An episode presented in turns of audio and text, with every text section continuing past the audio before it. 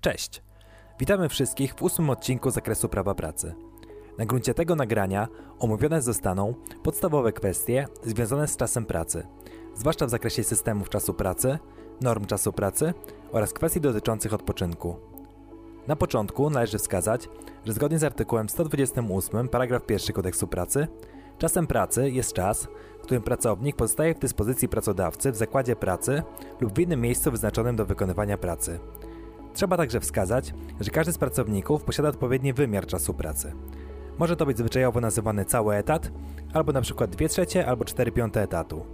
Zasadą jest, że według artykułu 129 paragraf 1 kodeksu pracy czas pracy nie może przekraczać 8 godzin na dobę i przeciętnie 40 godzin w przeciętnie 5-tygodniowym tygodniu pracy w przyjętym okresie rozliczeniowym nie przekraczającym 4 miesięcy. Jednakże zastrzeżeniami przewidzianymi w kodeksie pracy. Jest to. Tak podstawowy czas pracy. Zasadą jest zatem, że okres rozliczeniowy wynosi 4 miesiące. Rozkład czasu pracy danego pracownika może być jednak sporządzony w formie pisemnej lub elektronicznej na okres krótszy niż okres rozliczeniowy, obejmujący jednak co najmniej jeden miesiąc. Poza tym, w każdym systemie czasu pracy, jeżeli jest to uzasadnione odpowiednimi przyczynami, każdy okres rozliczeniowy może być przedłużony, nie więcej niż do 12 miesięcy przy zachowaniu ogólnych zasad dotyczących ochrony bezpieczeństwa i zdrowia pracowników. W niektórych przypadkach określonych w ustawie pracodawca nie ma jednak obowiązku sporządzania rozkładu czasu pracy, np. przy ustaleniu pracownikowi indywidualnego czasu pracy na jego wniosek. Pracownik może zostać zobowiązany do świadczenia pracy w wymiarze przekraczającym 40 godzin w danym tygodniu, jednak musi się to wiązać z obniżeniem normy czasu pracy w innym tygodniu do końca okresu rozliczeniowego. Warto w kontekście rozliczania czasu pracy pracownika wskazać na wyrok Sądu Apelacyjnego w Łodzi z dnia 4 lutego 2015 roku, według którego istota rozliczania czasu pracy sprowadza się do tego, że w pierwszej kolejności ustalana jest ilość przepracowanych przez pracownika dni i godzin, a następnie określa się liczbę godzin nadliczbowych wynikających z przekroczenia normy średniotygodniowej, za które nie udzielono czasu wolnego i które podlegają wynagrodzeniu, stawka plus dodatek. Takie zbilansowanie czasu pracy, a co za tym idzie ustalenie należnego wynagrodzenia za godziny nadliczbowe, jest możliwe dopiero po zakończeniu okresu rozliczeniowego. Ważnym jest także, aby wiedzieć, w jaki sposób można policzyć obowiązujący pracownika wymiar czasu pracy w przyjętym okresie rozliczeniowym. Zgodnie z artykułem 130 paragraf 1 kodeksu pracy wykonuje się to w ten sposób, że najpierw mnoży się liczbę 40 godzin przez liczbę tygodni przypadających w okresie rozliczeniowym, a następnie dodaje się do otrzymanej liczby godzin iloczyn 8 godzin i liczby dni pozostałych do końca okresu rozliczeniowego przypadających od poniedziałku do piątku. Trzeba w tym wypadku pamiętać jednak o tym, że każde święto występujące w okresie rozliczeniowym i przypadające w innym dniu niż niedziela obniża wymiar czasu pracy o 8 godzin. Wymiar czasu pracy pracownika w okresie rozliczeniowym ulega także obniżeniu o liczbę godzin usprawiedliwionej nieobecności w pracy. Ponadto, bardzo ważne w kontekście czasu pracy jest także przybliżenie odpowiednich postanowień w zakresie okresów odpoczynku pracownika.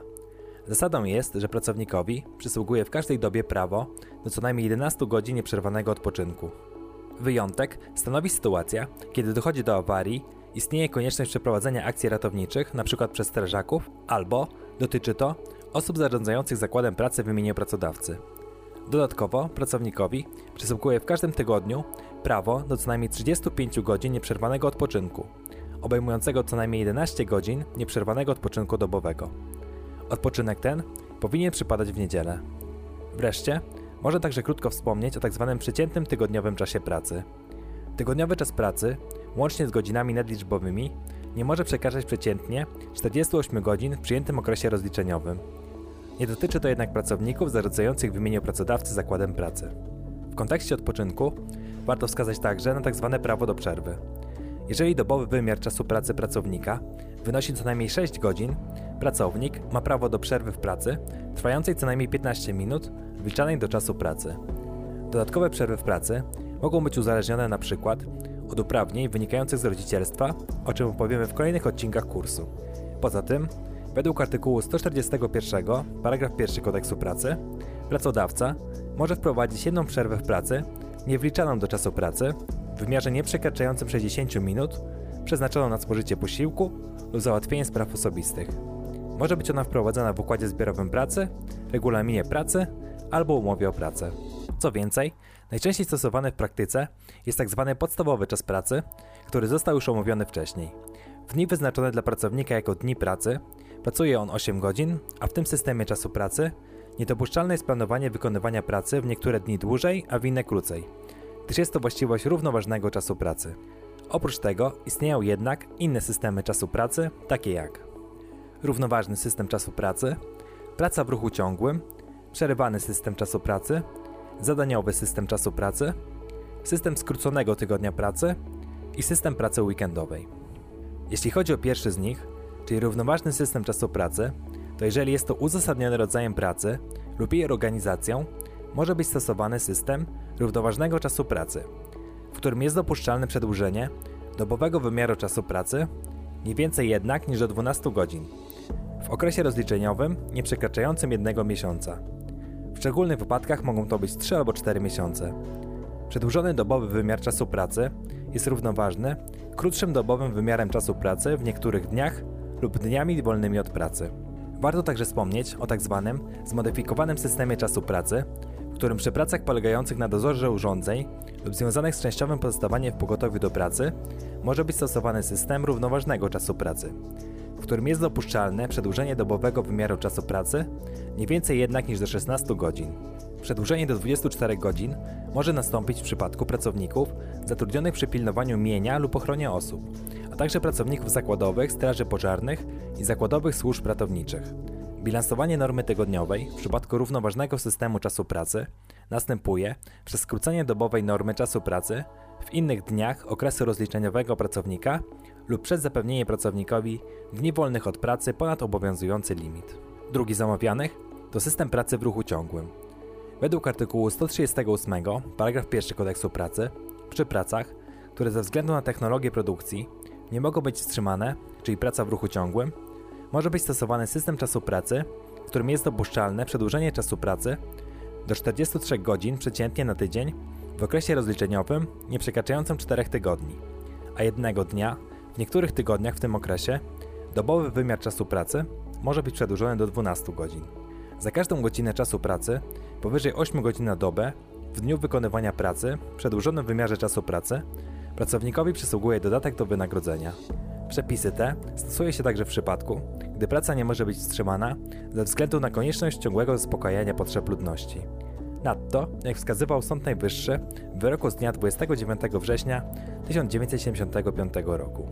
O tym, czy praca ma charakter pracy w ruchu ciągłym, nie decyduje ani zakres wykorzystania mocy produkcyjnych zakładu pracy, ani możliwości produkcyjnych pracownika, lecz okoliczność, czy wykonywanie pracy przez 24 godziny na dobę i przez 7 dni w tygodniu jest konieczne z punktu widzenia zabezpieczenia prawidłowego procesu produkcyjnego oraz prawidłowej działalności urządzeń produkcyjnych.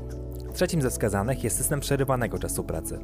Według artykułu 139 paragraf 1 kodeksu pracy, jeżeli jest to uzasadnione rodzajem pracy lub jej organizacją, może być stosowany system przerywanego czasu pracy według z góry ustalonego rozkładu, przewidującego nie więcej niż jedną przerwę w pracy w ciągu doby, trwającą nie dłużej niż 5 godzin.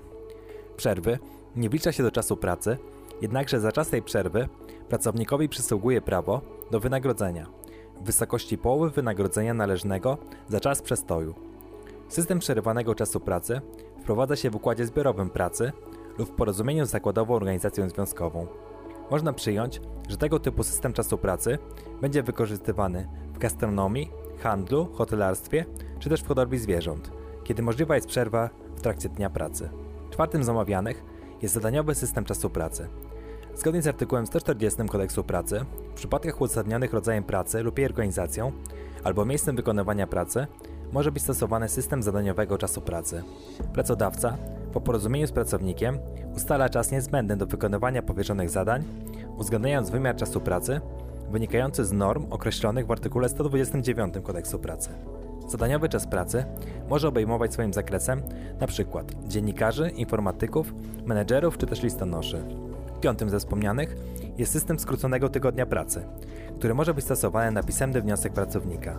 W tym systemie jest dopuszczalne wykonywanie pracy przez pracownika przez mniej niż 5 dni w ciągu tygodnia przy równoczesnym przedłużeniu dobowego wymiaru czasu pracy nie więcej niż do 12 godzin w okresie rozliczeniowym nie przekraczającym jednego miesiąca. Ostatni natomiast to tzw. Tak system pracy weekendowej, który także udzielany jest na pisemny wniosek pracownika. W tym systemie czasu pracy praca jest świadczona wyłącznie w piątki, soboty, niedziele i święta. W tym systemie jest dopuszczalne przedłużenie dobowego wymiaru czasu pracy nie więcej jednak niż do 12 godzin w okresie rozliczeniowym nie przekraczającym jednego miesiąca. Oprócz nich warto skarżyć także na ruchomy czas pracy, gdyż według artykułu 140 ze znaczkiem pierwszym, paragraf pierwszy kodeksu pracy, rozkład czasu pracy może przewidywać różne godziny rozpoczynania pracy w dniach, które zgodnie z tym rozkładem są dla pracowników dniami pracy. Można przewidzieć także takie uregulowania, w ramach których to sam pracownik decyduje o której godzinie rozpoczyna pracę albo w jakim przedziale powinien ją zacząć, a następnie wykonywać. Według zaś artykułu 149 paragraf 1 kodeksu pracy pracodawca prowadzi ewidencję czasu pracy pracownika do celów prawidłowego ustalenia jego wynagrodzenia i innych świadczeń związanych z pracą. Pracodawca udostępnia tę ewidencję pracownikowi na jego żądanie. Pracodawca, który nie prowadzi ewidencji czasu pracy, dopuszcza się wykroczenia przeciwko prawom pracownika. Oprócz tego występuje także praca zmianowa, czyli wykonywanie pracy według ustalonego rozkładu czasu pracy, przewidującego zmianę pory wykonywania pracy przez poszczególnych pracowników po upływie określonej liczby godzin, dni lub tygodni. Praca zmianowa jest dopuszczalna bez względu na stosowany system czasu pracy. Według wyroku Sądu Apelacyjnego w Gdańsku z dnia 14 lutego 2017 roku. Zadaniowy czas pracy może być stosowany wobec pracowników tylko w wąskim zakresie. To jest wówczas, gdy rodzaj pracy, jej organizacja albo miejsce wykonywania uniemożliwiają lub znacznie utrudniają kontrolę pracodawcy nad pracownikiem w czasie wykonywania pracy. Zadania pracownika powinny być natomiast tak ustalone, aby pracownik, przy dołożeniu należytej staranności i sumienności, mógł je wykonywać w ciągu 8 godzin na dobę i przeciętnie 40 godzin tygodniowo w przeciętnie 5-dniowym tygodniu pracy w przyjętym okresie rozliczeniowym. Systemy i rozkłady czasu pracy oraz przyjęte okresy rozliczeniowe czasu pracy ustala się w układzie zbiorowym pracy lub w regulaminie pracy albo w obwieszczeniu. Na koniec można także wspomnieć, iż na pisemny wniosek pracownika pracodawca może ustalić indywidualny rozkład jego czasu pracy w ramach systemu czasu pracy, którym pracownik jest objęty. W kolejnym z odcinków zajmiemy się także tematyką czasu pracy, tym razem w zakresie dyżurów pracowniczych, godzin nadliczbowych, pracy w porze nocnej, w niedzielę i święta. W opisie do filmiku znajdziecie więcej na temat czasu pracy w formie artykułu ze źródłami. Zapraszamy na naszego Facebooka Prawo dla Ciebie, Instagrama, naszą grupę na Facebooku, stronę internetową oraz podcast na platformie Spotify. Wszystkie linki zamieszczamy w opisie. Na koniec jeszcze bibliografia, na podstawie której przygotowaliśmy dzisiejszy odcinek. Jeśli masz jakieś pytania, problemy albo pomysły, jakie tematy powinniśmy poruszyć w kolejnych odcinkach, pisz śmiało w komentarzu. Do usłyszenia.